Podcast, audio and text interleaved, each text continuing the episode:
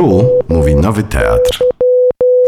Dobry wieczór Państwu. Po serii osobistych powitań ze strony bohatera dzisiejszego wieczoru możemy oficjalnie zaczynać. Bardzo się cieszymy, że tak wiele osób jest z nami dzisiaj e, w Nowym Teatrze w Warszawie. Mówię to dlatego, chociaż nas nie widać, ale będzie podcast z tego spotkania, więc ci, którzy nie przybyli, niech już w tej chwili wiedzą, że jest czego żałować. Mnóstwo wspaniałych osób e, wśród widowni, a ja chciałem powitać e, te dwie osoby, które dzisiaj wraz ze mną będą tutaj na scenie i wspólnie będziemy Państwu przedstawiać świat nowej książki naszego bohatera, ale zacznę od powitania wspaniałej, wybitnej polskiej aktorki, która przeczyta fragmenty z Tremerów. Proszę o dla Magdaleny Cieleckiej. A obok speszony, stremowany, ale chyba zadowolony Mikołaj Łoziński. Proszę Państwa, w tym ostrym świetle, które w nas uderza, e, spróbujemy jakoś się odnaleźć w sytuacji premiery nowej książki e, Mikołaja, ale zanim będziemy o, nim, o niej rozmawiać, zanim posłuchamy pierwszego fragmentu, to oddam głos autorowi, który chciałby od siebie również e, powitać wszystkich, którzy są z nami. Dzień dobry. Bardzo się cieszę, że, że właśnie jesteście z nami. Chciałem parę słów wstępu, mm, bo na okładce zaprojektowanej przez Przemka Dębowskiego jest moje nazwisko, no i oczywiście też nazwisko moich przodków, którymi inspirowana jest ta książka Stramerowej, też poprzednia Stramer. Mm, ale w rzeczywistości więcej osób przyłożyło się do powstania tej książki, to znaczy pomagało mi, wspierało mnie na różnych etapach. I właśnie tak jak mówiłeś, no, nie chciałbym z przejęcia kogoś pominąć, dlatego pomagam sobie z kartki. Mm, więc ogromne podziękowania dla Wandy Lacramp za pomoc dokumentacyjną. No niestety jest chora, nie ma jej dzisiaj, ale... Ale możemy, Możemy jej oklaskami podziękować. jej podziękować, tak? E, Podziękowania dla Stowarzyszenia Historia Okolic Konstancina za pomoc w dokumentacji wojennej i okupacyjnej historii Konstancina i Jeziorny, i też za pomoc e, w dotarciu do ich świadków. E, Za rozmowę o przeszłości dziękuję moim rozmówcom. Cieszę się, że niektórzy z nich są dzisiaj z nami. E, Dziękuję Alinie Teschę, dziękuję Alicji Jaszczyńskiej, Katarzynie Stroczan, Ninie Wojciechowskiej, która jest dzisiaj z nami. Mm, Kasi Kwiatkowskiej-Moskalewicz, Józefowi Henowi, Adamowi Danielowi Rotfeldowi, który też, też jest dzisiaj z nami. Mm, Aleksanderowi Smolarowi, Marianowi Turskiemu, Andrzejowi Werblanowi, Andrzejowi Kulowi, Włodzimierzowi Kwiecińskiemu. Mm, Bardzo też dziękuję za wsparcie w pisaniu, pierwsze lektury i krytyczne uwagi Tacie, który też jest tutaj.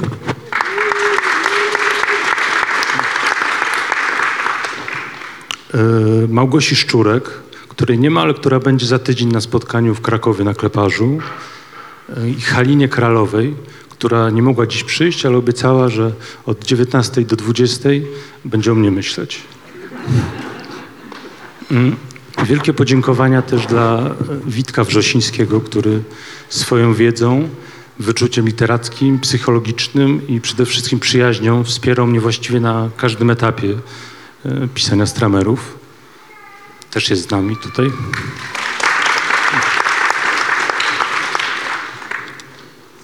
Bardzo dziękuję też e, pani Mariannie Sokołowskiej,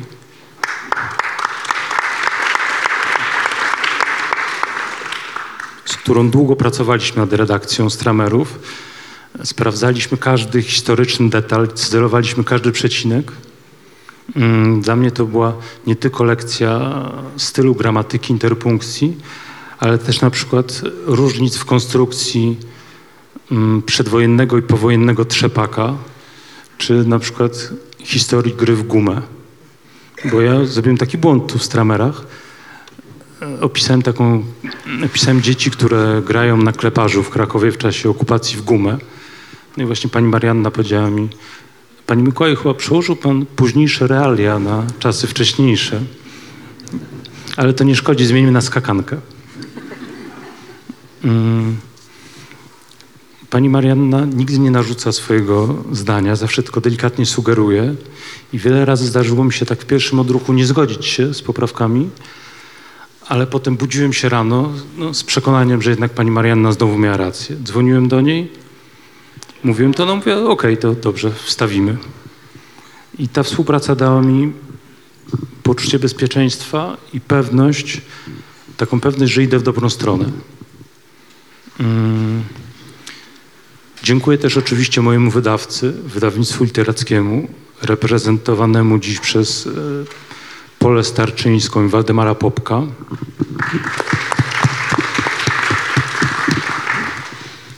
I to właśnie dzięki Wam wszystkim, po czterech latach pracy nad książką, ona jest. I to dla mnie dziś jest e, święto. I cieszę się, że mogę świętować z moimi najbliższymi, z Julią, Romanem, Emilem, mamo, mamą, tatą.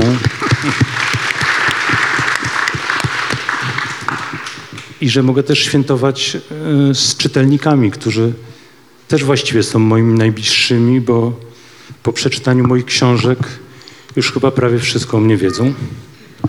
Dziękuję. Bardzo dziękujemy.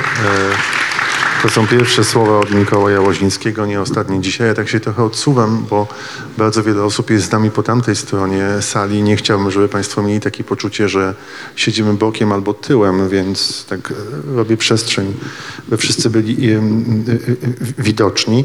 Zanim poprosimy Magdę o przeczytanie pierwszego fragmentu, to chciałbym, byśmy uporządkowali pewne fakty ponieważ minęło kilka lat od e, momentu, w którym ukazał się Stramer, czyli pierwsza część tej opowieści. I może byś, Mikołaj, dokonał takiego rezime, uporządkowania, w którym momencie zostawiłeś nas i z którymi bohaterami, zanim wejdziemy w świat tej drugiej książki. No, spróbuję. W pierwszej części w Stramerze opisuję dzieciństwo i młodość rodzeństwa Stramerów. Zaczynam na początku XX wieku, a kończę dokładnie w 1942. I w Stramerze opisuję już no, wchodzenie w y, dorosłość czy w dojrzałość, które przypadło na czas wojny okupacji. W Stramerach, tak. Słuchaj, tu jest najwierniejszy czytelnik, więc uważaj, bo może być problem przy niedzielnym obiedzie. E, a kim są bohaterowie? Do, ko- do kogo wracamy w tej książce z zieloną okładką? No to właśnie jest rodzeństwo Stramerów, czyli możemy iść od najstarszego. Rudek, potem Salek, Hesio, Rena, Nusek, Wela. Dobrze, zdałeś. To bardzo ważne, e, bo- bo muszę przyznać, że po e, lekturze Stramerów mam takie poczucie, że po pierwsze nie znałem Mikołaja jako e, autora książek sensacyjnych, a tak trochę tu To, jest. to prawda, że jeśli mogę ci przerwać, że ta książka ma inną formę niż Stramer, ponieważ właśnie opowiada o innych czasach wojny okupacji, Mm, a w, w czasie wojny i okupacji mm, wszystko dzieje się bardzo szybko, jest dynamiczne, bo od każdej decyzji właściwie może zależeć życie i taka też chciałem, żeby była forma e, Stramerów, czyli dynamiczna, filmowa, szybka, skondensowana. Bo w, w, tych, w tych czasach właśnie wojenno-okupacyjnych no nie było czasu na dłuższe, nie wiem, dumania, zastanawiania się, to czego jest więcej w stramerze. To jest czas szybkich decyzji, od których może zależeć życie. I chciałem, żeby to, próbowałem właśnie to oddać e, w stramerach. A po drugie, e, zorientowali się Państwo na pewno w czasie lektury, jeżeli ona przed Państwem, to się Państwo zorientują, że każda z postaci głównych, czyli z szóstki tego rodzeństwa, ma przynajmniej jeszcze jedno nazwisko przybrane, to, które ma pomóc przetrwać e, czas wojny, okupacji, e, czas zagłady, więc e, no, wydaje mi się, że tutaj trzeba bardzo spokojnie i uważnie śledzić losy wszystkich, żeby nadążać za wyobraźnią lub niewyobraźnią Mikołaja. Tak, jeśli mogę coś dodać, to wydaje mi się, że jest ta warstwa sensacyjna, czyli ta dużo się dzieje, idzie za akcją, ale wydaje mi się, że to jest ważne byłoby drugi raz przeczytanie tej książki, gdzie można się trochę bardziej, gdzie już się wie, co się stało, ale można bardziej się wgłębić. W, bo na tym też mi zależało, że, żeby była też ta warstwa, jakby, nie wiem jak to powiedzieć, pod spodem, czy, czy Czyli jedna warstwa taka bardziej... Czyli jeżeli ktoś goni za sensacją głębsza. na początku, to potem może wrócić do detali, tak? które mają dodatkowe znaczenie. Tak, nawet nie do detali, bo detale były dla mnie ważne, żeby zbudować ten, ten świat wojenno-okupacyjny, czyli e, no właśnie takiego trochę wojennego okrucieństwa, okupacyjnego chamstwa, cwaniactwa, ale też poczucia humoru. Mm. Nie chodzi o detale, tylko może chodzi o jakieś myśli, które tam są, które mogą w pierwszym czytaniu uciec. Proszę Państwa, to wejdźmy w świat e, Stramerów. E, Zaczniemy od e, opowieści z Krakowa. Magda przeczyta nam dziś trzy fragmenty nowej książki Mikołaja. Pierwszy dotyczy między innymi róży. Róża, Tylko powiem, to, to jest róża. tak. No, Bo róży nie powiedzieliśmy. Róża to jest najmłodsza ze stramerów, córka Rutka, czyli najsta- najstarszego z rodzeństwa. Ona jest ukrywana przez, w, w, okupa, w okupowanym Krakowie przez swoją przedwojenną opiekunkę, babunię.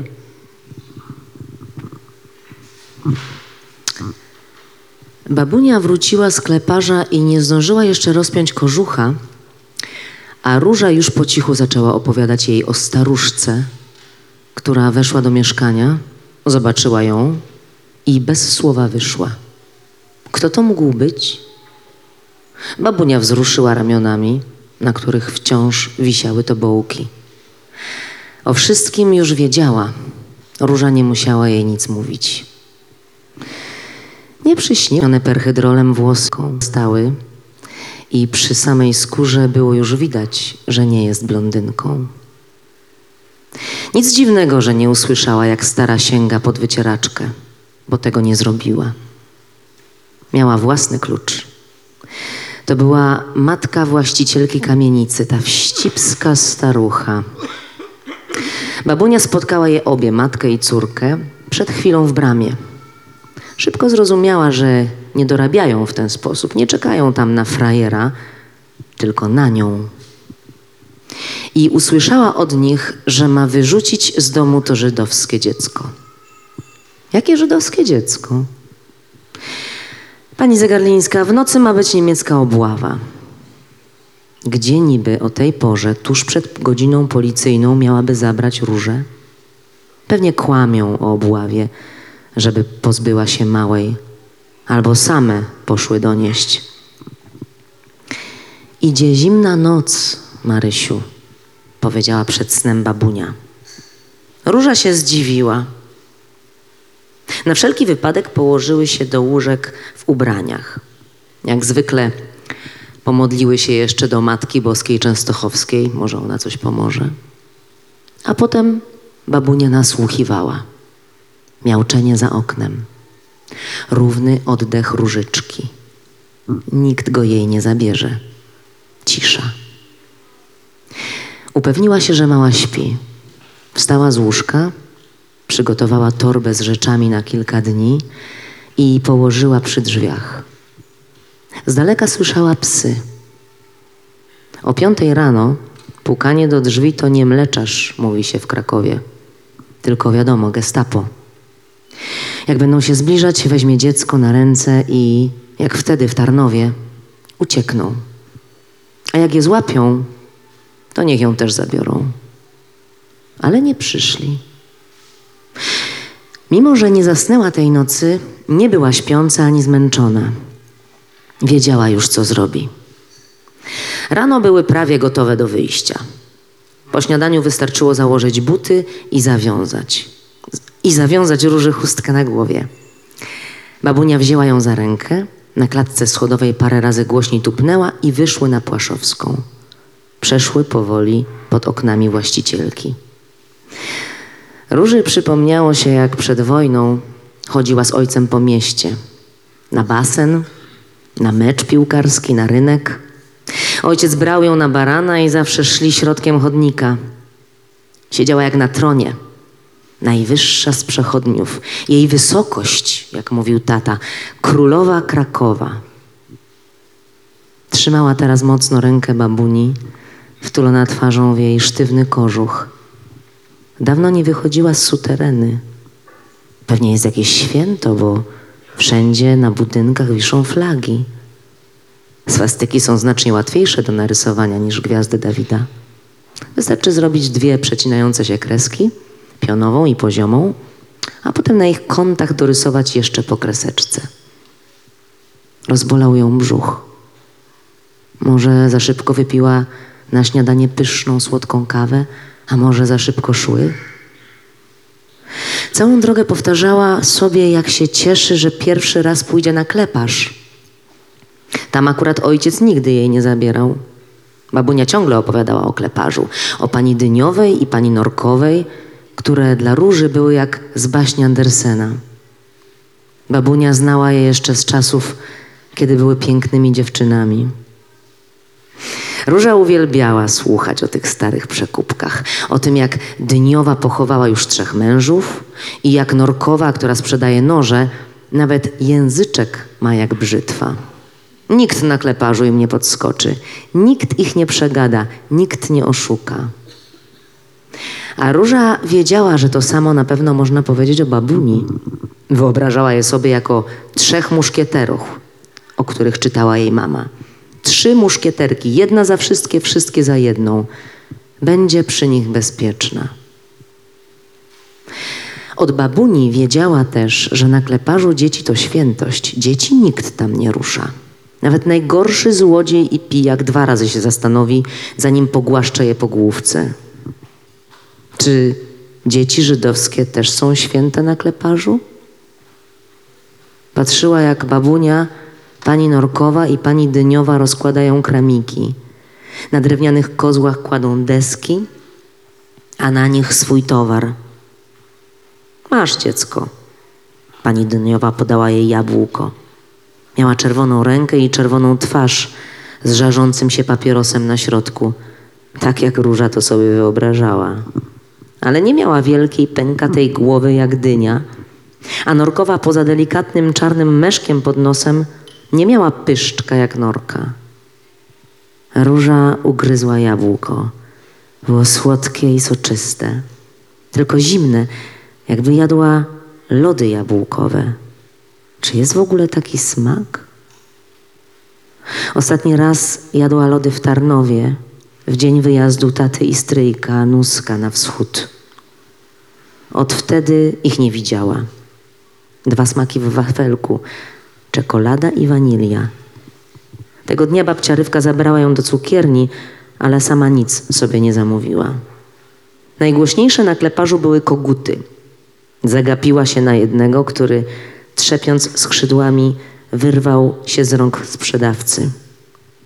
Wejdź tu, Marysiu. Norkowa pokazała jej miejsce pod swoim kramem.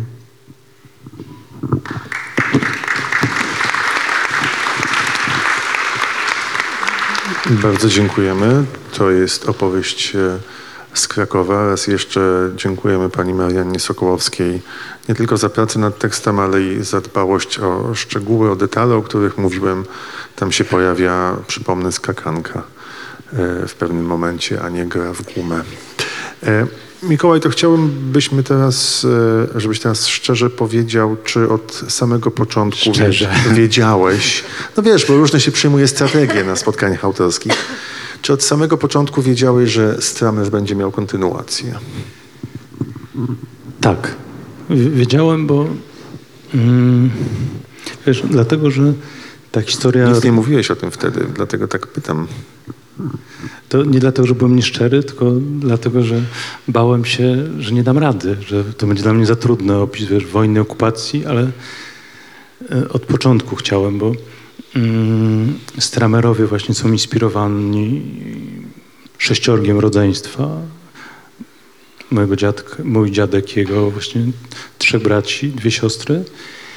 Ich historia wojenna jest, jest zupełnie nietypowa. Ich losy wojenne potoczyły się zupełnie inaczej niż w większości żydowskich rodzin, które znalazły się w ich e, sytuacji po wybuchu wojny. Te, no, te losy potoczyły się, no to jest absolutnie wyjątkowe na skalę nie tylko Polski. I od dziecka o tym myślałem, tak zastanawiam się, jak to było możliwe. I to jakoś pracowało mi w głowie i się zastanawiałem, próbowałem rozgryźć tą tajemnicę. I myślę, że dlatego napisałem i Stramera, i potem Stramerów, żeby spróbować to zrozumieć. Zrozumieć e, wyjątkowość losu i, i jakąś jego, tak musimy mówić, żeby zbytnio nie zdradzać, wyjątkową łaskawość, prawda? Tak, no próbowałem zrozumieć, co oni takiego mieli w sobie, że to się tak potoczyło. I stąd właśnie opis ich dzieciństwa i młodości, bo być może w tym się kryła ta siła, nie tylko w nazwisku Stramer, to znaczy krzepki, silny, ale też w jakiejś mi miłości, bliskości domu rodzinnego. I, I może też w tym, że oni byli bardzo biedni, to co opisałem w Stramerze. Wychowali się w jednym pokoju z kuchnią na parterze na ulicy Goldhammera 20 w Tarnowie. Tam jeszcze mieli psa i kota. No, w totalnej biedzie. Nie, nie bardzo mogli liczyć na rodziców, którzy nawet nie do końca mówili po polsku. Wiedzieli, że mogą liczyć tylko na siebie samych i na siebie nawzajem w rodzeństwie. To było niedużo, ale myślę, że dał im wielką siłę na to, co stało się później, po, kiedy się zaczęła wojna. Pamiętam, proszę Państwa, takie wydarzenie, w którym uczestniczyły przynajmniej trzy osoby będące dzisiaj tutaj w Nowym Teatrze, to znaczy Marcel Łoziński, Mikołaj Łoziński i ja. Byliśmy wspólnie w Tarnowie, kiedy ukazywał się e, Stramer i tam odbywała się premiera książki. I ze sceny wtedy Marcel powiedział takie zdanie niezwykle przejmujące i miał łzy w oczach, że ludzie generalnie jak przychodzą na świat, to mają dziadków i jeżeli los sprzyja tej sytuacji, to przynajmniej mają jakieś mgliste wspomnienie po dziadkach, prawda? On nie miał, ale dzięki Mikołajowi i książce zaczął mieć. Tak, on dokładnie powiedział coś, co właśnie wtedy byliśmy w, w trójkę mm, w, w Tarnowie, bo zależało mi na tym, żeby Stramer, który jest tarnowską książką, miał właśnie tam premierę i cieszę się, że dzisiaj są nawet takie spacery śladami bohaterów Stramera po Tarnowie cykliczne i co prawda jest napisane tam, uwaga, spoilery w internecie. E, To właśnie tata pamiętam wstał tam, to był ten, no bo to dokładnie taka sytuacja jak teraz, czyli premiera książki, tylko cztery lata wcześniej i w Tarnowie. No i się wstał i powiedział to, co ty mówisz, czyli jeszcze pamiętam to nawet bardziej dokładnie, że powiedział, że zwykle jest tak, że kiedy ktoś przychodzi na świat, to ma dziadków, babci dziadka, potem ci dziadkowie niestety umierają. No, w jego przypadku było odwrotnie. Ponieważ kiedy urodził się, to nie miał dziadków. Powiedział, a teraz dzięki mojemu książce mojego syna odzyskałem ich. Tak, i to też był taki moment, w którym właściwie e, w jakimś sensie w przenośni albo dosłownie odzyskaliście rodzinną pamięć, prawda? Całą tę tożsamość, która przez lata była jakoś zaburzona przez te okrutne dzieje e, XX wieku. I mówię o tym dlatego, bo chciałbym się dowiedzieć od ciebie i myślę, że nie tylko mnie to nurtuje, czy trudniejsze było dla ciebie zbudowanie tego świata, to znaczy odtworzenie tej historii przedwojennej, czyli początków, czy jednak śledzenie losów rodzeństwa Stramerów w czasie II wojny światowej, kiedy oni już byli rozsiani po różnych miejscach. Stramerowie chyba byli trudniejsi dla mnie, ale nie wiem, czy, czy na tym poziomie odtworzenia losów. Oni byli dla mnie trudni, bo musiałem e, przez no, ostatnie cztery lata czytałem o wojnie, okupacji, książki, świadectwa.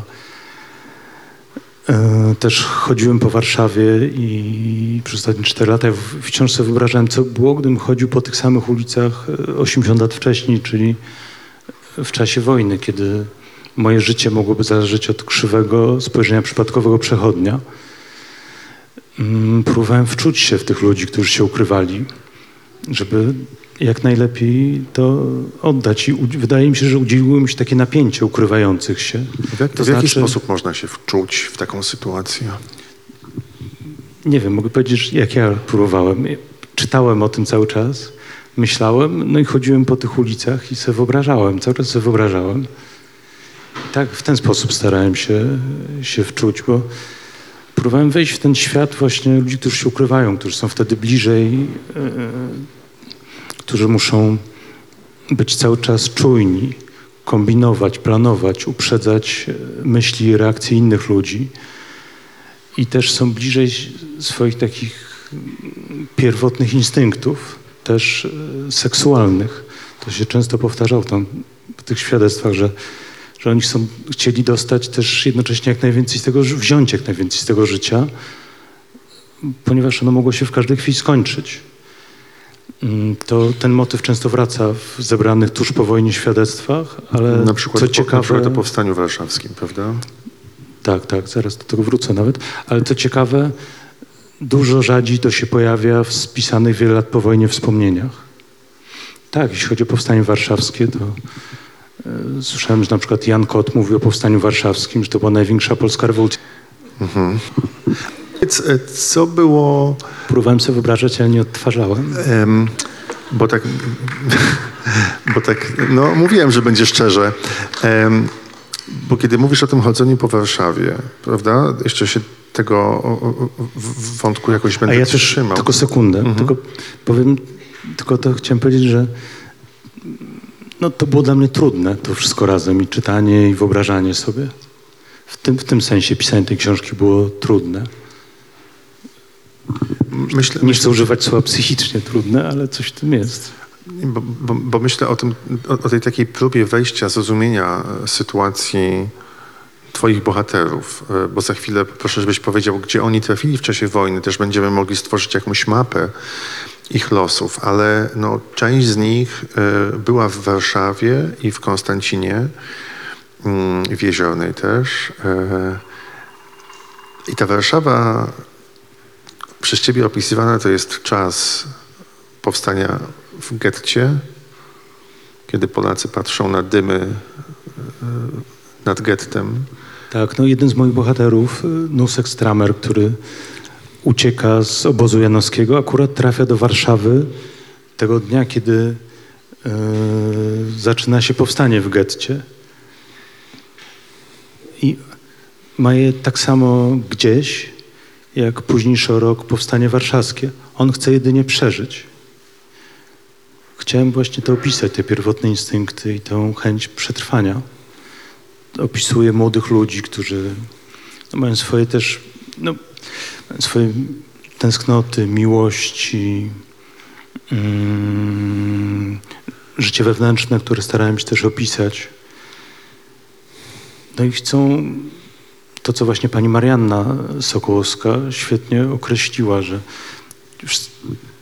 że wszyscy moi bohaterowie e, pragną choć odrobiny choć na miastki normalnego życia w, świe w świecie zwykłych ludzi chcących przetrwać wojnę. Mówię o tym obrazie getta, które płonie, w którym trwa powstanie, ale i też e, obrazach chociażby ulicy Marszałkowskiej, która e, jest e, takim miejscem z pięknymi sklepami, gdzie wchodzi się kupić różne dobra, gdzie udaje się, że świat wygląda w miarę normalnie. O różnego rodzaju kryjówkach, które poznają twoi bohaterowie. O wszechobecnej e, sytuacji zagrożenia ze, z powodu obecności Niemców gestapo, prawda? Ale przyznam się tobie i państwu, że kiedy czytałem Stramerów i tak próbowałem się jakoś e, przedostać pod skórę bohaterów twoich, to zastanawiałem się właściwie, kto mógł być realnie dla nich większym zagrożeniem. Mówimy o tym, że okupacja, że są takie sceny w książce, mm, Hitlerowiec strzela w głowę człowieka, mm, posypują to piaskiem, przykrywają gazetami, życie toczy się dalej. ale właściwie można odnieść wrażenie, powiem to, chociaż to być może dla niektórych jest kontrowersyjne, że być może trudniej było przetrwać, będąc otoczonym przez Polaków, niż przy okazji tego, że Niemcy tutaj byli. I Ukraińców, tak. To odpowiem najpierw na pierwszą część Twojego pytania, jeśli chodzi o Warszawę. Dla mnie też to, to było wielkim odkryciem, jak ta Warszawa wyglądała. Studiowałem cały czas taką książkę e, świetną, którą wszystkim polecam, Tomasza Szaroty, e, Okupowanej Warszawy, Dzień Powszedni, studium historyczne. No, okupowana Warszawa to nie tylko akcja pod Arsenałem i nędza getta, ale też prosperująca jak nigdy wcześniej, zdaje się później też nie, ulica Marszałkowska, moda okupa, okupacyjna i wytworne, elegan, wytworne restauracje, gdzie serw- serwowano zupę żółwiową. A jedna z twoich bohaterek ma gdzieś zakazy i chodzi do kina, chociaż wiadomo, kto siedzi w kinie, prawda? No tak jest, akurat tak się złożyło. Jest to zdanie w twojej książce. Tak, tak, tylko świnie siedzą w kinie, co bogatsze to w teatrze, bo jest nawet rozwinięte jeszcze. Tak jak my dzisiaj jesteśmy w teatrze, więc wszystko się zgadza. Mm, Natomiast rzeczywiście, jeśli chodzi o to zagrożenie, to jest bardzo skomplikowane i wydaje mi się, że nie da się generalizować zaraz powiem dlaczego. E, Siostra mojego dziadka, którą inspirowana jest postać Weli, mm, wiele lat temu powiedziała mi coś, co mnie uderzyło. Mm, Ona mi powiedziała, nie wolno tego mówić głośno w Polsce, ale my w okupowanej Warszawie bardziej baliśmy się Polaków niż Niemców, bo lepiej nas rozpoznawali. Ale dodała, pamiętaj, że nigdy nie wolno generalizować. Mnie życie w Warszawie uratowała polska kurwa. I tę scenę umieściłem w stramerach. No i właśnie przede wszystkim trzymałem się tej zasady, żeby nie generalizować. To jest scena z dziewczyną w zielonej sukience, dodajmy, która po prostu no, swoją siłą charakteru i woli wyciąga ją e, z rąk szmalcownika. Tak, to co było dla mnie też trudne, nawiązując do, ja wolno myślę, tego jeszcze poprzedniego pytania. E, No właśnie pierwszy raz mm, zabrałem się, czy zderzyłem się z tematami, których dotąd e, mniej lub bardziej świadomie unikałem, czyli wojna, stosunki między Polakami i Żydami w czasie okupacji i też potem zaangażowanie już po wojnie moich żydowskich bohaterów w budowę nowego ustroju. Jeśli wracając do stosunków między Polakami i Żydami, to u mnie to nie są stosunki między całymi narodami. U mnie to są stosunki między konkretnymi ludźmi i ci konkretni ludzie są dla mnie najważniejsi i tej relacji między nimi też. Są takie sceny w tej książce, które, no nie będę ukrywał, że rozmawialiśmy o tym z Mikołajem przed spotkaniem i, i mu się zwierzałem, że są takie sceny w tej książce, które wydają się tak nierealne, że można pomyśleć, no dobra, no być może ma wyobraźnię, ale tutaj go ta wyobraźnia zawiodła albo przeszarżował. Na co Mikołaj mówi, ale właśnie to, co się wydaje przy, w czasie lektury Stramerów najbardziej nierealne i wręcz takie aż żałośnie banalne, wydarzyło się najbardziej. E, Znaczy wydarzyło się naj, naj- najpewniej i to jest na pewno zdecydowanie prawda. No bo e, e, jest na przykład taka scena, jeszcze mogę o tym powiedzieć, myślę, bo przecież nie- niewiele w sumie zdradzamy. Wściekłości jednego z twoich bohaterów na e, Polaka, człowieka, który dowodzi przedsiębiorstwem, który zaczyna go szantażować, prawda? I, no i ten bohater wpada na pomysł, który się wydaje z jednej strony ba- bardzo głupi, a z drugiej strony jednak bardzo e, odważny. To znaczy, Wydaje się jedynym wyjściem, mi się wydaje, z tej sytuacji. nie ma dzieci, mogę powiedzieć, chodzi o plastykę napletka. Tak. No, nikt, by, nikt by nie pomyślał, że coś takiego mo, mo, można było po prostu Bardzo tak... popularne w czasie wojny. Spotkałem się z takimi w świadectwach nawet tych, zebranych tuż po wojnie, gdzie ludzie specjalnie się nie autocenzurowali, ponieważ te wszystkie straszne rzeczy i ten cały koszmar wojenny wydawał się absolutnie normalnym dla nas, dla nich normalnością, tak codziennością, tak jak e, dla nas dzisiaj inne rzeczy są e, normalnością. To nawet takie żarty były, że to była taka moda wśród Żydów, którzy się ukrywali w czasie, w, w czasie wojny po aryjskiej stronie właśnie na pletkoplastyka. I rzeczywiście jest tak, jak powiedziałeś, że są sceny, których nie umiałbym wymyślić, bo nie starczyłoby mi wyobraźni. Właśnie ta scena z napletkoplastyką, ale też z, e, z kolacją szabatową, gdzie siadają do niej Żyd na ryjskich papierach, Wehrmachtowiec i Niemka. To się zdarzyło naprawdę. W życiu bym tego nie wymyślił, nie starczyłoby mi wyobraźni. To teraz e, chciałbym, żebyśmy opowiedzieli e, trochę, wychodząc tylko, z, n, nie przebywając cały czas w Warszawie, o to, gdzie e, trafili Stramerowie, rodzeństwo Stramerów w czasie II wojny światowej. Magda czytała fragment e, o, o Krakowie, e, no ale to już kolejne pokolenie. Natomiast to, to główne, które nas interesuje, czyli ta szóstka, też e, trafiła w różne miejsca. Prawda? Tak. Y, W Stramerach postanowiłem oddać głos tym z rodzeństwa, których było trochę mniej w pierwszym tomie, czyli w Stramerze, ponieważ byli najmłodsi. Dlatego skupiłem się głównie na najmłodszych na Weli i na Nusku przede wszystkim, czyli na tych, którzy są w Warszawie, ale opisałem też w sposób bardziej taki skondensowany tych, którzy byli za granicą.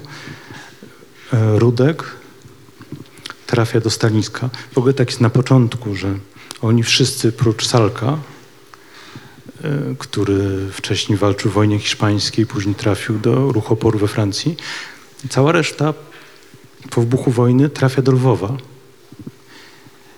e, i rozdzielają się dopiero po niemieckiej inwazji. Część trafia do Polski, właśnie ci najmłodsi, a pozostali na wschód.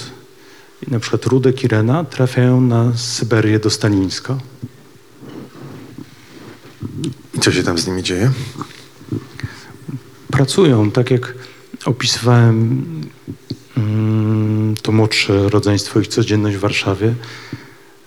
Tak samo e, staram się opisać ich codzienność tam. Rudek pracuje w szkole jako inspektor, a Rena pracuje w takich zakładach. Mm, już, nie pamiętam dokładnie ich nazwy, która też jest prawdziwą nazwą i zakładów. I też redaguje gazetkę ścienną. Mm, czyli jakby animuje też to życie zakładowe poza, poza pracą. Tęskni. No już nie chcę, nie chcę opowiadać tego, co już tu Jasne, jest, jasne. więc Chciałem zapytać, e, zanim poprosimy Magdę o drugi fragment, e, żebyś powiedział może trochę o tych e, rozmowach, które odbyłeś z osobami, które pomogły ci zbudować ten świat. Jest taki fragment w tej książce, ja sobie zaznaczyłem, jeżeli pozwolicie i Państwo pozwolą, to przeczytam króciuteńki fragment, No, nie tak doskonale, ale spróbuję. Ni stąd, ni zowąd przyjrzałem się uśmiechniętemu żołnierzowi z ciemnymi oczami, który od rana wydawał mi się znajomy. Niewysoki jak ja, w za dużej, założonej trochę na bakier rogatywce z orzełkiem, CKM-ista. Dopiero teraz po uśmiechu przypomniałem sobie Heniek Cukier. To z nim we Lwowie stałem w kolejce do urzędu, żeby wrócić do Polski. Jeszcze przed obozem janowskim. Też było zimno jak cholera, zima stulecia i też był w mundurze, ale jeszcze licealisty. Żeby się rozgrzać, udawał ustami jazzowe instrumenty. No to jest bardzo jasna... też bardzo dobrze Michał czyta, prawda? Tak. A, bo to było... o No tak, Chcę, chciałem... No, no. To już wszystko, czy mogę dalej? E, to jest jasne wskazanie na konkretnego bohatera, prawda? Na konkretnego rozmówcę. E, a- Ale by, by, było ich więcej. Co ci się udało od rozmówców dowiedzieć na temat tamtego świata? Wiesz, to, czego szukałem najbardziej, to jest ta codzienność i wszystkie detale, które ją budują, wiarygodne, które potem, e, mam nadzieję, że pomogły mi zbudować wiarygodny i żywy świat. Mm, No, na przykład właśnie Józef Hens, z którym spotkałem się dwa razy, bardzo ciekawie mi opowiedział o tym, jak było przed wojną, w czasie wojny, po wojnie. Oczywiście to była smutna opowieść, ale miał w sobie masę życia i humoru. Mm, To było dla mnie na pewno wyrwane, ale dla wnik wnikliwych czytelników chyba było jasne, że ta postać się pojawia. I to on ci na przykład opowiadał, jak wyglądał szlak armii, która szła na Berlin? Też, tak, ale opowiadał mi, jak wygląda codzienność. To mnie głównie interesował. Szlak armii, która szła na Berlin, to opowiadał mi Andrzej Werblan akurat. Mm. I postanowiłem umieścić go też e, w Stramerach, tym razem mm, w towarzystwie Sochy. To jest bohater jego jednego z e, wczesnych opowiadań Krzyż Walecznych. Jako takie podziękowanie i hołd dla wielkiego pisarza, który skończy w tym roku już w listopadzie 100, 100 lat. Rozmawiałem też e, z, z panią Wiktorią Śliwowską. To jest nieżyjąca już niestety e, badaczka literatury, która opowiadała mi z kolei trochę o powstaniu, o tym, jak ona się tutaj e, ukrywała jako dziewczynka na rejskich papierach. I opowiedziała mi, miałem takie pytanie, które często zadawałem rozmówcom na, na koniec. Jak już tak trochę była cisza i się robiło, już właściwie wyczerpaliśmy wszystkie tematy, to pytałem, a czy jest może taki sen, który pani wraca albo wracał po wojnie? I ona tak się chwilę zastanowiła. Mówi, no było coś takiego. Mm, jeszcze przez wiele lat po wojnie śniło mi się, że jest taka Warszawa współczesna, czyli odbudowana, już powojenna. I jest tam takie jedno miejsce.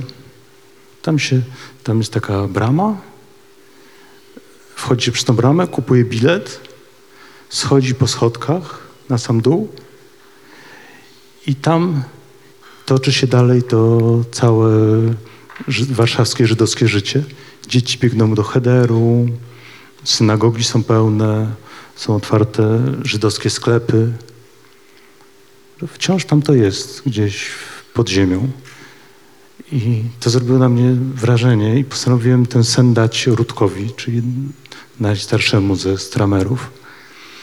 Mm, tak wyglądały te rozmowy. A pamiętam też e, s, s, rozmowę z starszą panią w Jeziornie. To było w, w lecie dwa lata temu.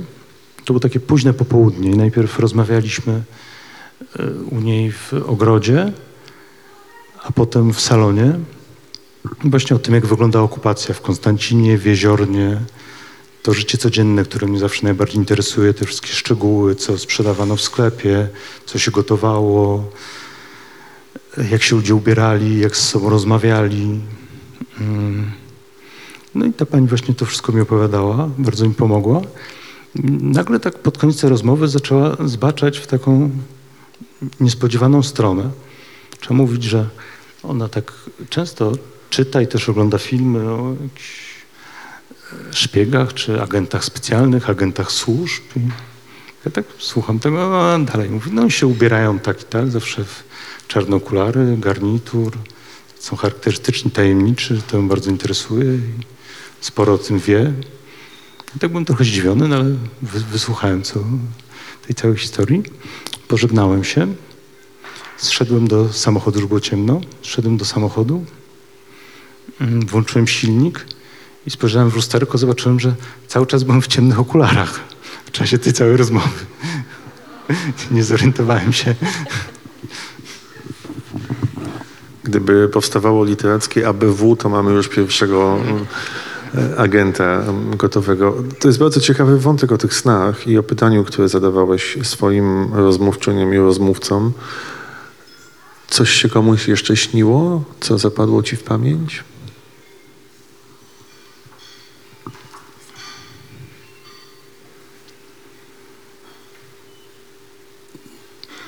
No wiesz, śniły się często te koszmary po prostu. wojenne, to okrucieństwo, przemoc, którą też opisuję, ale staram się nie patować nią w stramerach, tylko sygnalizuję. To, to często wracało. Myślę o tym dlatego, że y, moi dziadkowie, którzy cała czwórka byli w partyzantce w lasach, e, akurat nie w NSZ, chociaż e, te, też Narodowe Siły Zbrojne się pojawiają i kwestia obławy na Żydów w okolicach Piasecznej i tak dalej to To jest. zaraz powiem. E, ale oni, którzy byli całe, całą wojnę w partyzantce i tam e, rodziły się też dzieci, które nie przeżyły, no wiadomo, sytuacja była tragiczna. Oni jakoś przenieśli traumę na kolejne pokolenie, na przykład na pokolenie e, moich rodziców. I mojej mamie do dzisiaj się śni, że Niemcy wchodzą do wsi i ją palą i oni wszyscy uciekają przed, tą, przed tym najazdem e, hitlerowskim. Więc e, Wspominam o tym dlatego, że te sny też się po prostu czasami dziedziczy i myślę, że nawet sobie nie zdajemy sprawy z e, siły opowieści albo z siły tego, co niewypowiedziane, ale przeczuwane i że teraz po 80 latach ludzie dalej bardzo intensywnie pamiętają pewne zdarzenia, stąd jakoś tak bardzo ten wątek sn- snów e, mnie zainteresował. Chciałem się e, z tego wytłumaczyć. Coś o NSZ jeszcze chciałeś powiedzieć. To też wracając właśnie do stosunków między Polakami i Żydami, mam postać, która jest chyba mi najbliższa w stramerach, czyli babunia, która przechowuje w, w Krakowie róże. To jest tak zwana y, prosta kobieta, czyli urodzona na wsi, po czterech klasach szkoły powszechnej, potem poszła paść gęsi i a dalej sługiwała po domach. Mm, Jest ona ona e, pije wódkę, klnie i swoje wie. Jest po ludowemu antyklerykalna i zdroworozsądkowa. Właśnie chciałem ci powiedzieć, że bardzo Mówi- silnie to gra z książką Joanny Kuciel-Fedyszak Chłopki, opowieścią o antyklerykalizmie polskich kobiet ze wsi. Tak, i ona, ona mówi na przykład, że y, polityka to zawsze kurwa złodziej. I czy, czy nie ma racji? Bo jak bardzo ma, zwłaszcza dzisiaj. Tak, i wydaje mi się, że ona być może rozumie z tej wojny więcej niż wszyscy inni. Mhm. Ale mam też tam takie postaci jak e, 16-letniego Wacka, mm, członka Narodowych Sił Zbrojnych, który się koleguje z Nuskiem Stramerem tam w Jeziornie. I on chodzi do lasów hojnowskich, e, jak mówi, polować na Żydki. I nawet proponuje, mm, proponuje to Nuskowi, żeby do niego dołączył, bo to bo nie, nie podejrzewa Nuska o żydostwo i proponuje, żeby do niego dołączył, bo to łatwa forsa. Także, żeby nie generalizować, było i tak, i tak. No to z kolei z książki Magdaleny Grochowskiej wiemy, że właściwie tylko dzięki e, takiemu rozeznaniu w temacie e, dowódcy e, oddziału partyzanckiego Tadeusz Różewicz przeżył wojnę, bo okazywało się, że już idzie NSZ i będzie polowanie na polskich Żydów, prawda? I, i gdyby nie to, że kazał mu uciekać, to być może wielki poeta woj, wojny by nie przeżył. To teraz posłuchajmy drugiego fragmentu z Tremerów, jeżeli mogę prosić. Teraz ja mam tremę po tobie. Trzeci przeczytamy wspólnie. Wela. Jak miała na imię tamta drobna dziewczyna w zielonej sukience? Wela czuła żal, że nie spytała jej o to. W pracy, w fabryce śrub i nitów też nie mogła przestać o niej myśleć. Nie zauważyła nawet, jak pan Sikora, właściciel tej jednoizbowej fabryczki, w której od ponad trzech miesięcy pracowała, podniósł rękę z nad swojego szklanego przepierzenia. To znak, na który wciąż czekali pracownicy. Przerwa.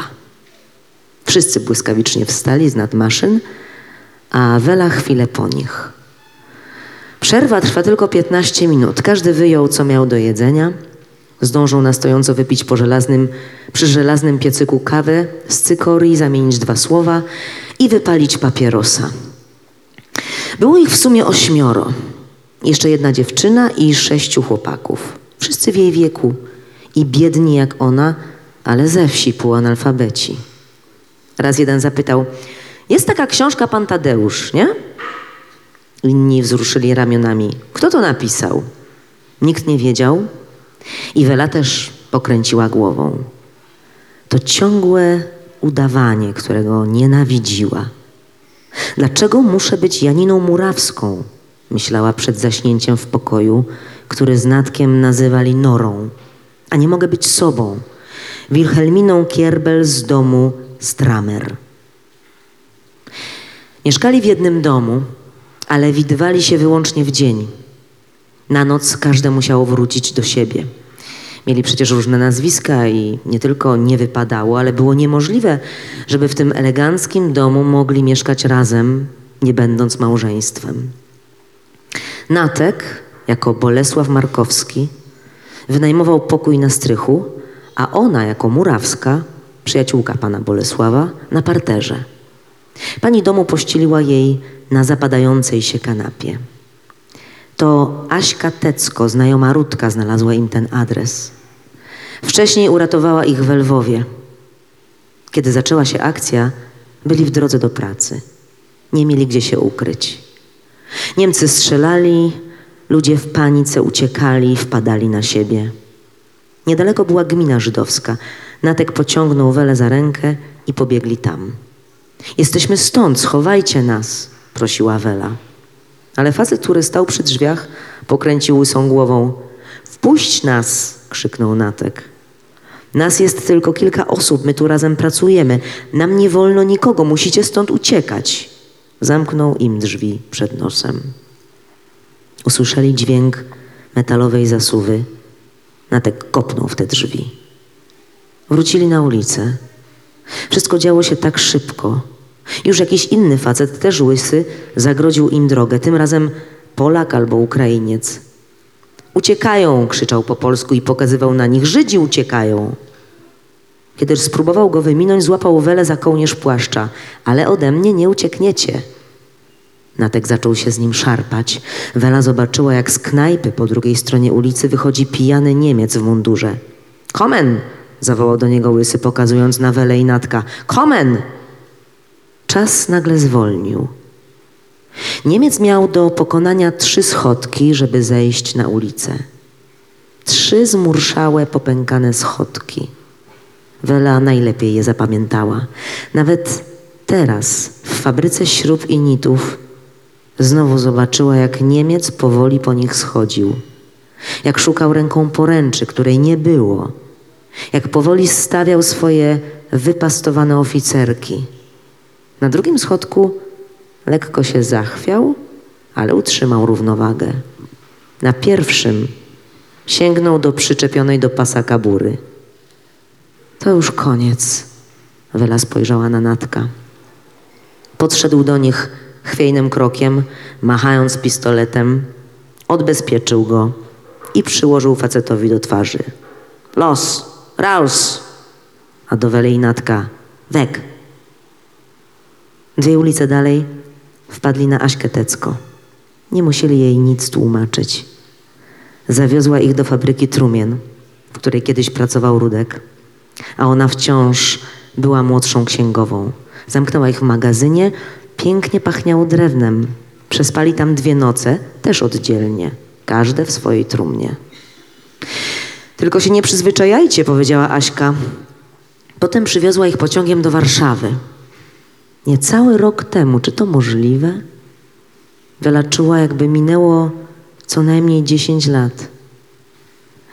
W tym tygodniu Aśka miała z Lwowa przywieźć Nuska. Byli umówieni, że będzie czekał na Welę o piątej po południu przy sklepie kolonialnym, koło pętli tramwajowej na Żoliborzu.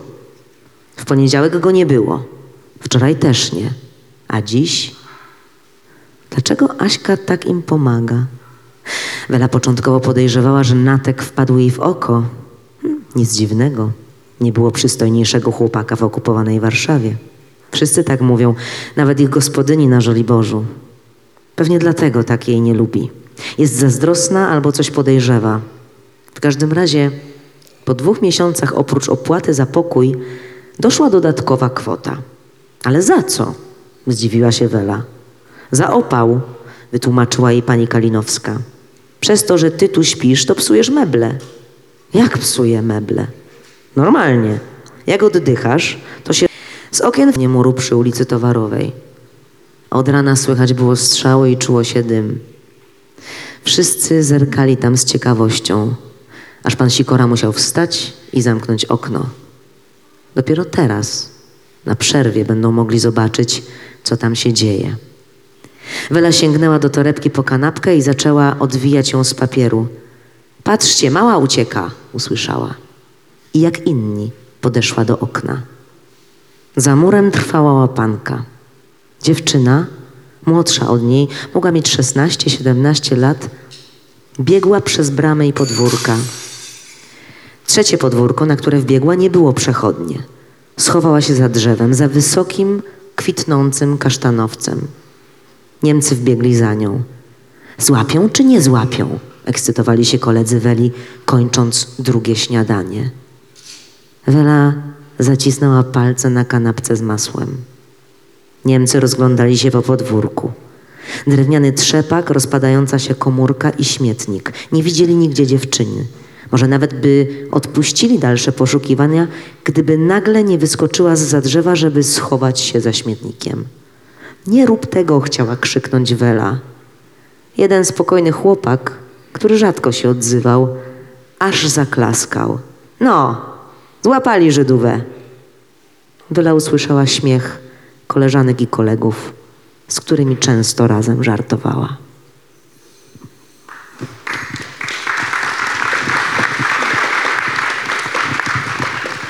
Muszę powiedzieć, że los pisze najlepsze scenariusze. Ta szklanka się stłukła w takim momencie, że była doskonałą ilustracją dźwiękową tego, o czym Magda czytała. Em, No właśnie, ta, ta, ta historia o, o wilgoci i o psuciu mebli, to też się wydaje nieprawdopodobne. Się, te, też oparłem się na świadectwach, tak.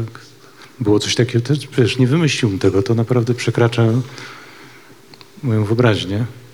Ale też pokazuje, że właściwie w tej okupowanej Warszawie i to w różnych środowiskach i w różnych klasach społecznych, e, w sytuacji bardzo trudnej materialnej, po prostu ukrywanie Żydów to, to był sposób na przetrwanie. Tak, no często mówiło się, że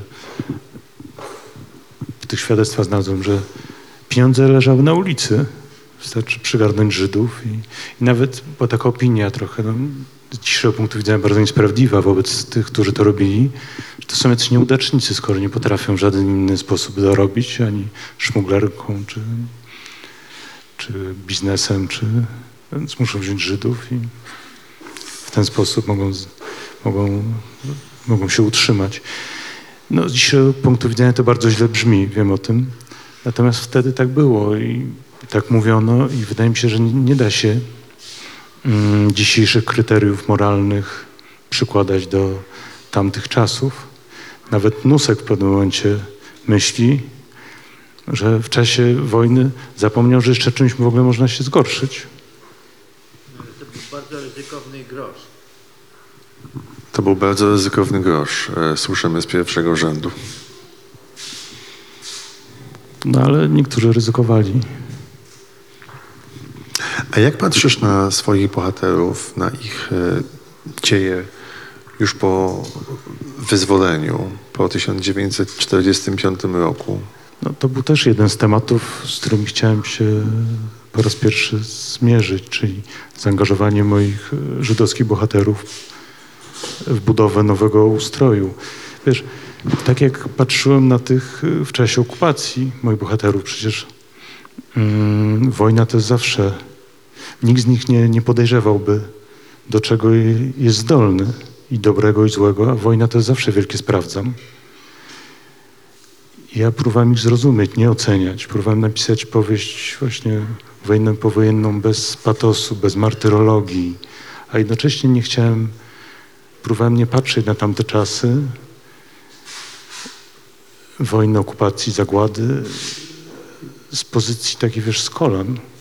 Jakoś próbowałem spojrzeć na tych moich bohaterów, tak jak oni patrzyli na siebie, na młodych ludzi, którzy właśnie chcieli, chcieli przetrwać, żyć, mieli swoje marzenia, tęsknoty, miłości. Przecież nie wiedzieli, czy ta wojna potrwa jeszcze miesiąc, czy 10 lat. Nie oceniałem. Starałem się właśnie uciec tego stereotypowego spojrzenia na, na, na wojnę i podobnie jeśli chodzi o to zaangażowanie powojenne moich bohaterów, gdzie próbowałem to zrozumieć. No, dlaczego inteligentni, przyzwoici ludzie angażowali się po stronie nowej władzy, mimo że wszelkie znaki na, na ziemi, na niebie wskazywały, do czego to doprowadzi. Mm, Dzisiaj wydaje mi się, że jest mało prób zrozumienia tego, czy łatwiej jest to ocenić, hejtować, Znaczy, czy po prostu, tak, że im, mówiąc po polsku, nienawidzić. im ktoś młodszy i na przykład urodził się w latach 80., tym więcej wie, jak powinno być, prawda? Już nie tylko o stanie wojennym, ale No, i o mi się- wyborach dokonywanych przez twoich bohaterów. Tak, no wydaje mi się, że z czasem to jest jakby na to nie ma siły. Z czasem te wszystkie szarości, niuanse historyczne się zacierają. Wydaje się, że ci byli dobrzy, ci byli źli, a przecież na przykład mam tam postać Ewy, e, Polki łączniczki z powstania warszawskiego, która po wojnie też angażuje się po stronie e, nowej władzy, argumentując, a czy jest jakaś inna Polska do wyboru?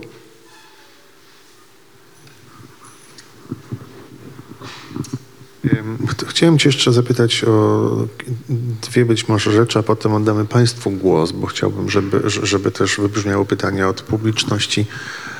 Czy była jakaś z postaci, która sprawiała ci wiele trudności w pisaniu? Czy ktoś z Każda. tej, która najbardziej? Wiesz, każda. Pisałem bardzo powoli. Pisałem przez 4 lata, mozolnie, codziennie siedziałem godzinami próbowałem. Dla mnie, wiesz, dla mnie trudna była każda z postaci i każdy z elementów tego świata, żeby to miało ręce i nogi, żeby to było prawdziwe, żeby to było żywe, żeby to było przekonywujące, żeby te postaci były żywe, właśnie nie stereotypowe.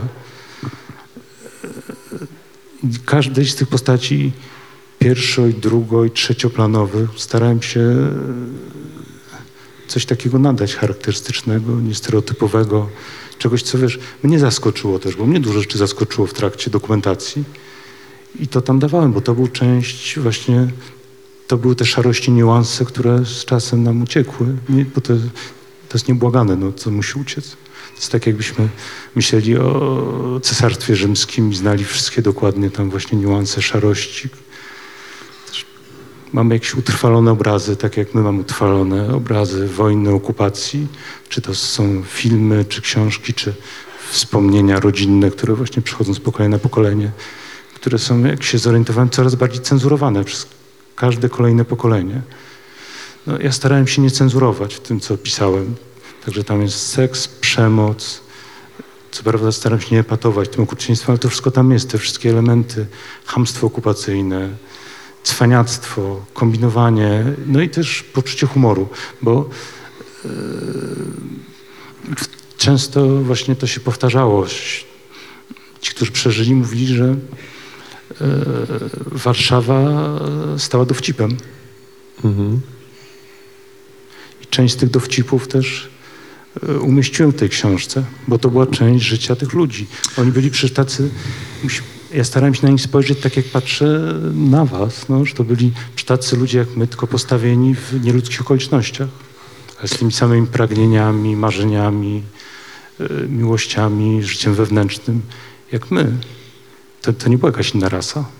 A element zemsty, że teraz, skoro przetrwaliśmy i wiemy, kto nas przed wojną źle traktował, albo kto w czasie wojny chciał doprowadzić do tego, żebyśmy byli zgładzeni, to my się teraz, często ubrani w mundury wojskowe i będący przedstawicielami nowego państwa, zemścimy właśnie. No, to też był element tamtej rzeczywistości powojennej. To też starałem się oddać w stramerach. To było dla mnie trudne. Ale konieczne, żeby w sposób wiarygodny i uczciwy opowiedzieć o tamtych czasach. Chciałem na koniec ode mnie zapytać Cię o jedną rzecz, która no, od tego też się oczywiście nie, nie da uciec. Mówisz, że pisałeś 4 lata tę książkę dokumentując, ale przecież nawet jeżeli wchodziłeś w świat e, streamerów, ten wojenny i powojenny, to nie mogłeś uciec od, e, od tej atmosfery Polski ostatnich lat. Tak się jakoś składa, że właśnie mniej więcej czterech. Czy to, co się dzieje na wschodzie, cała ta atmosfera nagonki, e, no, budząca mniej lub bardziej jasne skojarzenia, też stała się jakoś e, elementem Nagonki. na uchodźców, na ludzi, którzy muszą się ukrywać e, po lasach, na ludzi, którzy są tutaj wytykani palcami, którym się odmawia prawa do bycia i życia. Czy to też jakoś przy, przy, przeniknęło do tego świata, w, w którym byłeś, kiedy pisałeś? Czy umiałeś się od tego jakoś odłączyć? Wiesz, przeniknęło, bo to są trochę podobne, podobne mechanizmy. Mm. Tak jak no, wiesz, wszelkie takie narzędzia do badania antysemityzmu w Polsce no, wskazują, że Polska jest bezpiecznym krajem dla Żydów, ale z jednej strony Żydów prawie tu nie ma, E, Poza tym partia rządząca idzie do wyborów e, z człowiekiem, który wielokrotnie wypowiadał się o, o Żydach jak naziści. Podobnie zachowywał się w stosunku do weteranek Powstania Warszawskiego.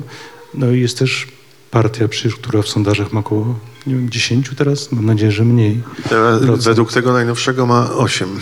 8, to i tak jest dużo, która otwarcie mówi, że chce Polski bez Żydów. No, zobaczymy, ile, ile dostaną e, procent w wyborach. Być może właśnie jakby rolę czy funkcję Żydów jako kozła ofiarnego, czy ludzi, na których można rzucić całe zło, wzięli na siebie uchodźcy. Mówię o właśnie ciemnoskórych uchodźcach na e, granicy polsko-białoruskiej, bo przecież zdarzają się tam mm, ludzie, którzy e, żądają pieniędzy za to, że nie zadzwonią do Straży Granicznej i nie, nie zgłoszą, że tutaj właśnie po tej stronie jest taki, gdzie jest ten, taki uchodźca. Ale z drugiej strony są też e, ludzie, którzy pod osłoną nocy przyjmują u siebie e, uchodźców i opiekują się nimi, tak jak e, w czasie wojny Żydami opiekowała się na przykład rodzina Ulmów,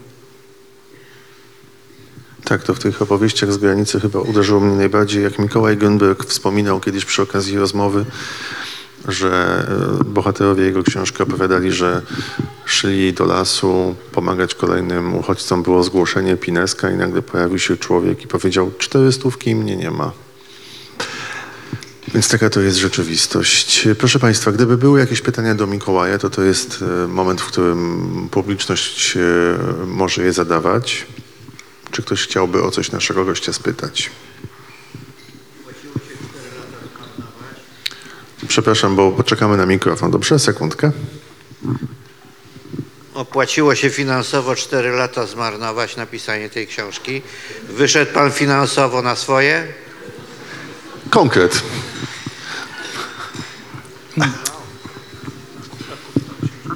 To jest dobre pytanie. Tak, wyszedłem. Dziękuję za troskę. Mm, powiem, że dostałem pieniądze wcześniej. W ramach zaliczki to tak jest rozliczane. A jak będzie, zobaczymy.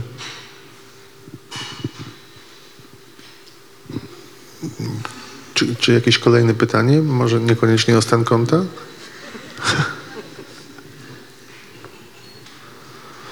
Bardzo proszę tutaj. Powieści rad się czyta przez opis miejsc, przez opis przeżyć, emocji, uczuć, ale też i miejsc. Jak tutaj pojawia się Warszawa, Lwów, Konstancin. I zaciekawił mnie ten Konstancin. Czy Konstancin pojawił się właśnie przez, o, przez wspomnienia e, kobiety, czy też jeszcze wspomnienia rodziny? Tak, przez wspomnienia obojga. Oni właśnie, dlatego opisałem fabrykę Szulca i też był tam taki Szulc i była pani, która była pierwowzorem sekretarki Szulca. która pomagała tam ukrywającym się. Tak, no, te, te wspomnienia rzeczywiście rodzinne są takie mocne, ale trzeba w pewnym sensie trochę emocjonalnie się odciąć od nich. Zapomnieć, że to jest moja rodzina, bo ja nie traktuję ich jak rodziny. Dla mnie to jest fikcja literacka, to jest inspirowane ich losami. I mi- mimo tego, że tyle im dałem z siebie, że być może to są moje najbardziej osobiste książki, Stramerowy i Stramer, ale tr- trzeba się troszkę odciąć, bo zależało mi na tym, żeby ciepło i empatia w stosunku do moich bohaterów nie przysłoniły mi e, takiej, e, że tak powiem, ostrości widzenia ich i w czasie wojny i, i po wojnie. Czy ktoś Dziękuję. jeszcze chciałby o coś zapytać? Dziękujemy bardzo. Tam, bardzo proszę. Chciałbym trochę docisnąć po tym pytaniu, e, jeśli mogę. E, czy można e, jakoś określić, na ile to są dzieje e, Pana rodziny, a na ile e, a, a rozmowy i dokumentacja e, służy tylko do temu, żeby detale były zgodne z, z, z rzeczywistością. Ale ogólnie rzecz biorąc, jak się to ma do Pana rodziny? Powiedziałbym, że to są. Oni mi dali tak jakby szkielet tej historii i ich losy. To jest inspirowane nimi, ale to, to jest fikcja. Dużo siedziałem, długo siedziałem w różnych archiwach i przy pierwszym tomie i przy drugim, ale o nich samych nie znalazłem wiele. Ale dużo znalazłem o czasach, które, których żyli, które ukształtowały przecież nie, nie tylko ich, ale też ich całe, całe ich pokolenie i też e, następne pokolenia. Nawet przy pierwszym tomie, kiedy pisałem go, miałem taki pomysł, że ponieważ to jest fikcja, luźno inspirowana, że powinienem e, zmienić nazwisko bohaterów. Mm, Ale mniej więcej wtedy właśnie, gdzieś 10 lat temu, e, razem z moim starszym bratem Pawłem, daliśmy wywiad do Newsweeka o tym, jak to jest mieszkać w Polsce i mieć żydowskie korzenie. E, I ten wywiad został skopiowany na jakieś nacjonalistyczne strony i znalazłem pod nim gdzieś około 500 komentarzy, mm, które z grubsza podzieliłem na dwie kategorie. Pierwsza to było wypierdalajcie do Izraela, a druga podajcie swoje prawdziwe nazwiska. I ten drugi pomysł mi się spodobał, on mnie zainspirował. Pomyślałem, czemu nie? Nazwisko Stramer znaczy krzepki, silny. Ono, to właśnie było prawdziwe nazwisko mojego dziadka. Ono, to nazwisko zawsze mi się podobało. A ono zostało wymazane po wojnie razem z prawie całym żydowskim światem. I pomyślałem, że tak przynajmniej wróci w, moim, w moich książkach jako Stramer i Stramerowie. E, Także nawet polscy nacjonaliści mieli swój pozytywny udział w powstaniu tych książek. To jest w sumie fascynujący ten fetysz nazwisk wśród nacjonalistów, bo gdyby tak się przyjrzeć ich nazwiskom, to one nie do końca wyglądają na jakieś bardzo typowo polskie, prawda? No, zwłaszcza to Brown, nie? Już nie chciałem, szczęść Boże, już nie chciałem tutaj kontynuować tego wątku. Bosak też nie brzmi jakoś najbardziej, tak bym powiedział, arystokratycznie, prawda? E, To ja może jeszcze dopytam cię e, o, o taką rzecz, bo jeden z no nie do końca pozytywnych bohaterów Stramerów nosi nazwisko Sienkiewicz. Czy zatem doczekamy się trylogii? Zaskoczyłem cię, to wiedziałem. Brawo.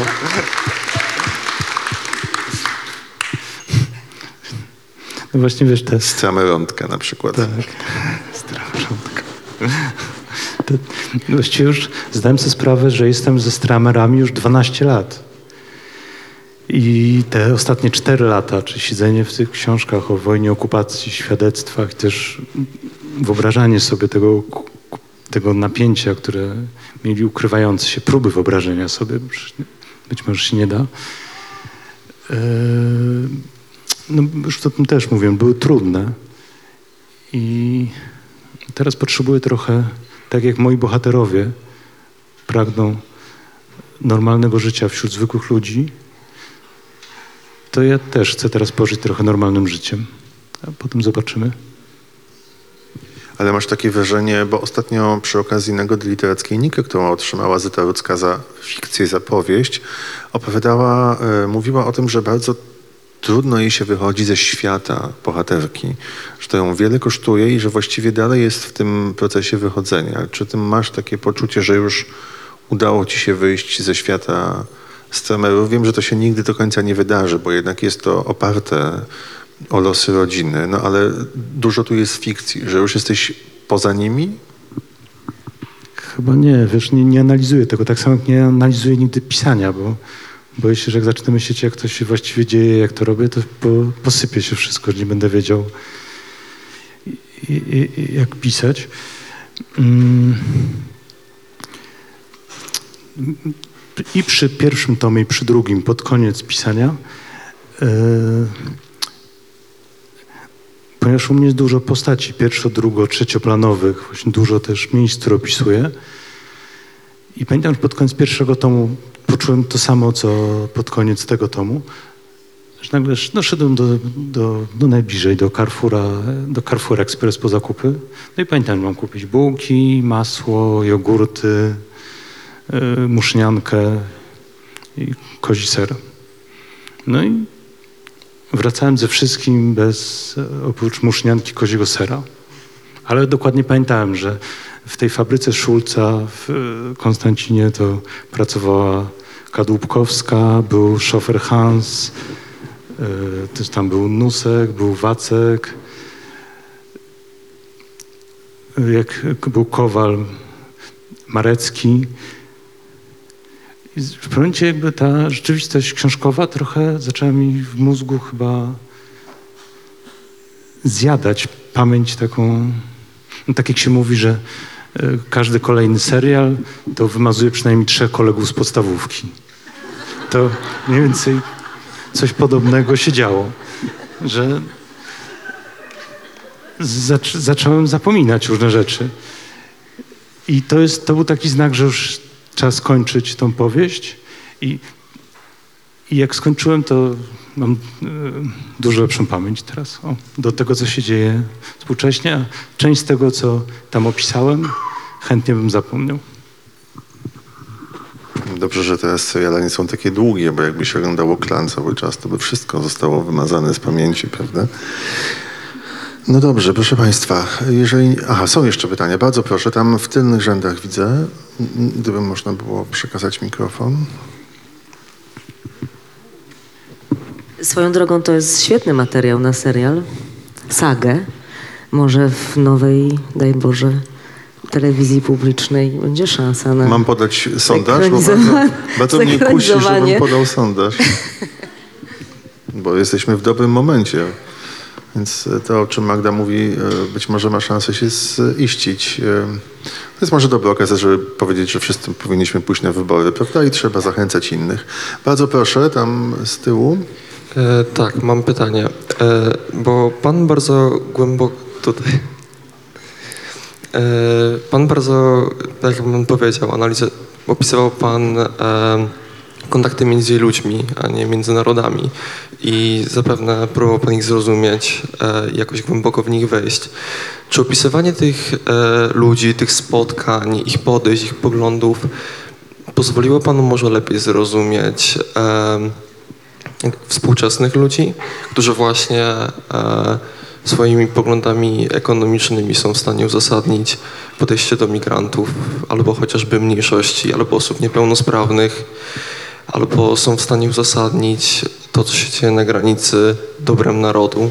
Czy wchodzenie właśnie w tych ludzi sprzed 80 lat jakoś ułatwia zrozumienie tych, którzy teraz żyją i się wypowiadają? Nie może zrozumiał pan coś więcej? Nie, nie wiem, czy coś więcej, ale to jest bardzo dobre pytanie. I teraz, jak pan powiedział, to już zdałem sobie sprawę, że przecież te zachowania współczesne mają swój prapoczątek właśnie w, na przykład w czasie wojny, czy nawet wcześniej w e, losach poprzednich pokoleń każdej rodziny. To, co mówił Michał, że nawet sny dziedziczymy, no to dlaczego nie inne rzeczy też?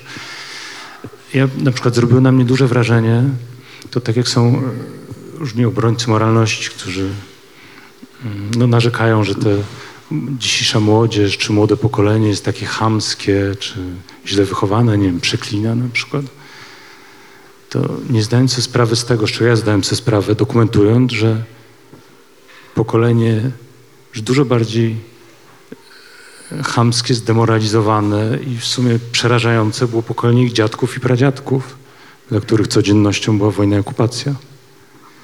To też przecież nie znika tak zupełnie, że koniec wojny i wszyscy nagle wracamy do normalności. Jest inna codzienność, ale to, co w nas zostanie, to dalej tam jest. Podobnie nawet jeśli nam, co, co trzymam kciuki, że to, o czym mówiłeś, że po 15 coś się zmieni, to niestety Kiedyś cały... już mówili, że pierwszym serialem w odzyskanej TVP będą Stramerowie. No to jakby Tak, ale mam... Magda będzie grała, to już jest jakby zaklepane. Zanim do tego dojdzie, to babunie chyba. Nie sobie 15 października jest za 11 dni, to tak to, teraz się szybko kręci Ale filmy. mam na myśli, że to czegoś nasłuchaliśmy przez ostatnie 8 lat i tak zostanie w głowach i w sercach ludzi niestety, jaki, jaki, by, nie był, jaki by nie był wynik wyborów. Tak, ten wirus na pewno tak szybko nie zniknie. To prawda. E, proszę Państwa, e, jeszcze jeden fragment przed nami. Bardzo chciałbym, byśmy go wysłuchali, a potem już zostawimy Państwa sam na sam z Mikołajem. Magdo, bardzo proszę.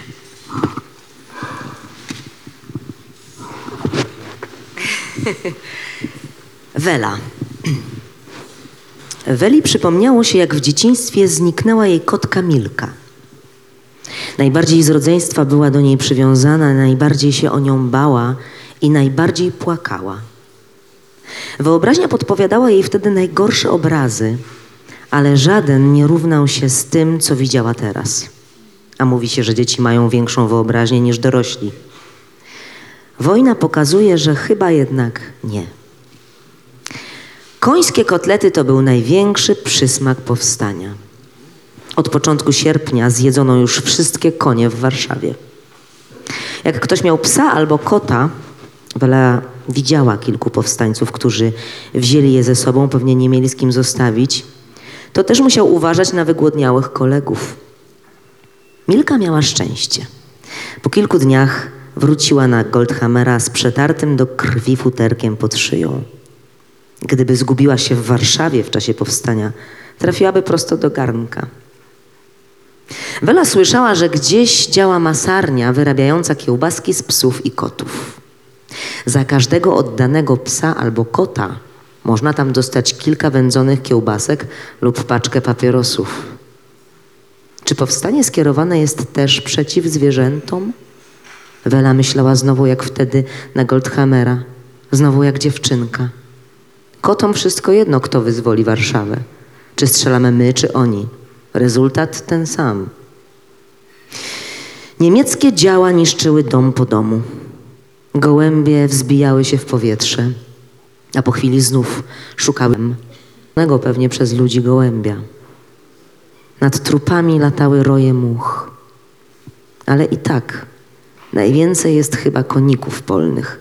Dużych, jasnozielonych i skocznych. Codziennie przynajmniej jeden wpadał Weli do kawy. Niektórzy mówią, że to szarańcza, biblijna plaga. Najgłośniej słychać je w nocy, kiedy Wela nie może zasnąć. Ich cykanie, zagłuszane wybuchami i strzelaniną, to sekretny dźwięk tego powstania. Kojarzy jej się z tykaniem wielu zegarków naraz, jak u zegarmistrza. Wela wyobrażała sobie, co by było, gdyby została z Karolem dłużej niż na jedną noc. Trochę jak jej ojciec, Nathan Stramer, który przez całe lata zastanawiał się, co by było, gdyby został w Ameryce. Pewnie wciąż by żył i tylko wyobrażał sobie, co by było, gdyby wrócił do Polski. Teraz ona też miała swoje równoległe życie. Szczęśliwy człowiek to ten, który rodzi się i umiera w tym samym miejscu, usłyszała kiedyś w synagodze. Co by na to powiedział ojciec? Ilu z rozstrzelanych na rynku tarnowskich Żydów by się z tym zgodziło? Chyba nie przypadkiem o nim pomyślała. W energii i intensywności Karola było coś dobrze znanego. Z taką pasją opowiadał o powstaniu, jak ojciec o otwarciu kawiarni u Stramerów. I też świeciły mu się oczy. Dlaczego wtedy na mostku między Konstancinem a Jeziorną dała się namówić na wyjazd z nim do Warszawy i udział w powstaniu? Wela wracała do tego wiele razy. A dlaczego jej matka zgodziła się prowadzić kawiarnię? Obie uwierzyły, że tym razem na pewno się uda. Karol mówił, że to kwestia dni, góra tygodni. Dowództwo jest dogadane z Armią Czerwoną i naszymi aliantami, Anglikami i Amerykanami. Spadochroniarze generała Sosabowskiego tylko czekają na znak i zaraz tu wylądują. Wszyscy razem z Armią Czerwoną ruszymy na Berlin. Czy może przekonały ją wyrzuty sumienia, że ugryzła go w nos? Na początku, na trzęsącej się parce ciężarówki, mówiła sobie, że dzięki Karolowi dostanie się szybciej do Warszawy, do Natka. A potem w nocy Natek ma swoją generałową, to ja mogę mieć swojego powstańca. Rano obudziła się pierwsza. Zaraz po przyjeździe Karol chciał dostać się na Stare Miasto, ale to było zbyt niebezpieczne.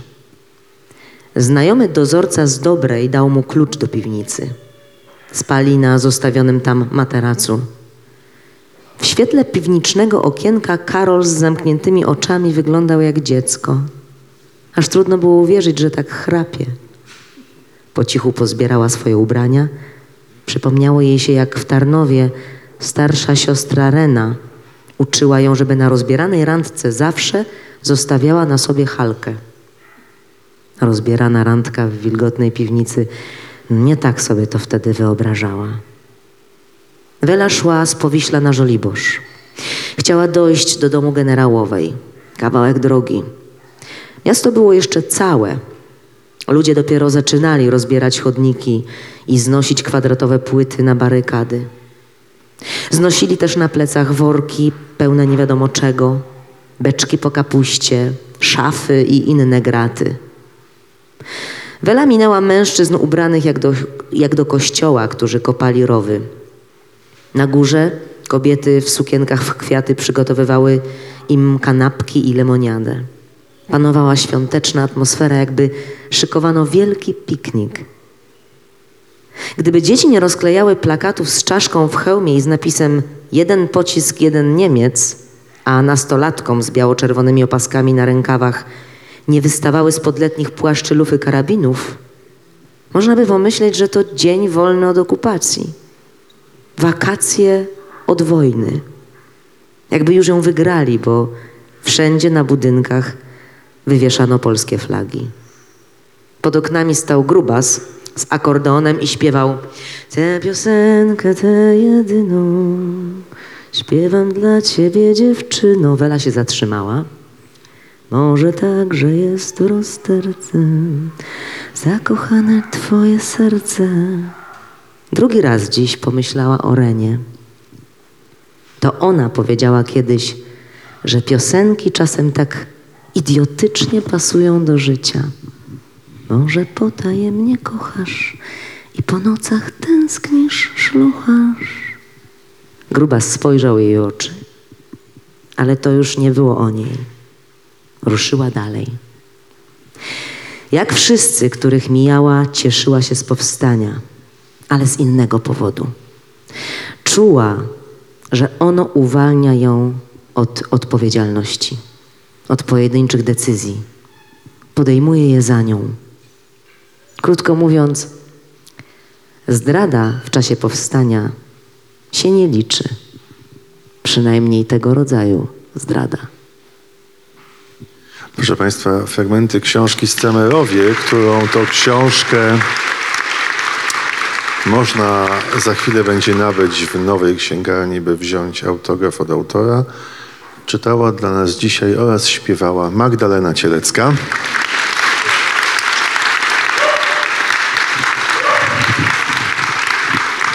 Były z nami także osoby nieludzkie. Dzisiaj jest Światowy Dzień Zwierząt, więc wielkie brawa dla fanów literatury z ogonami.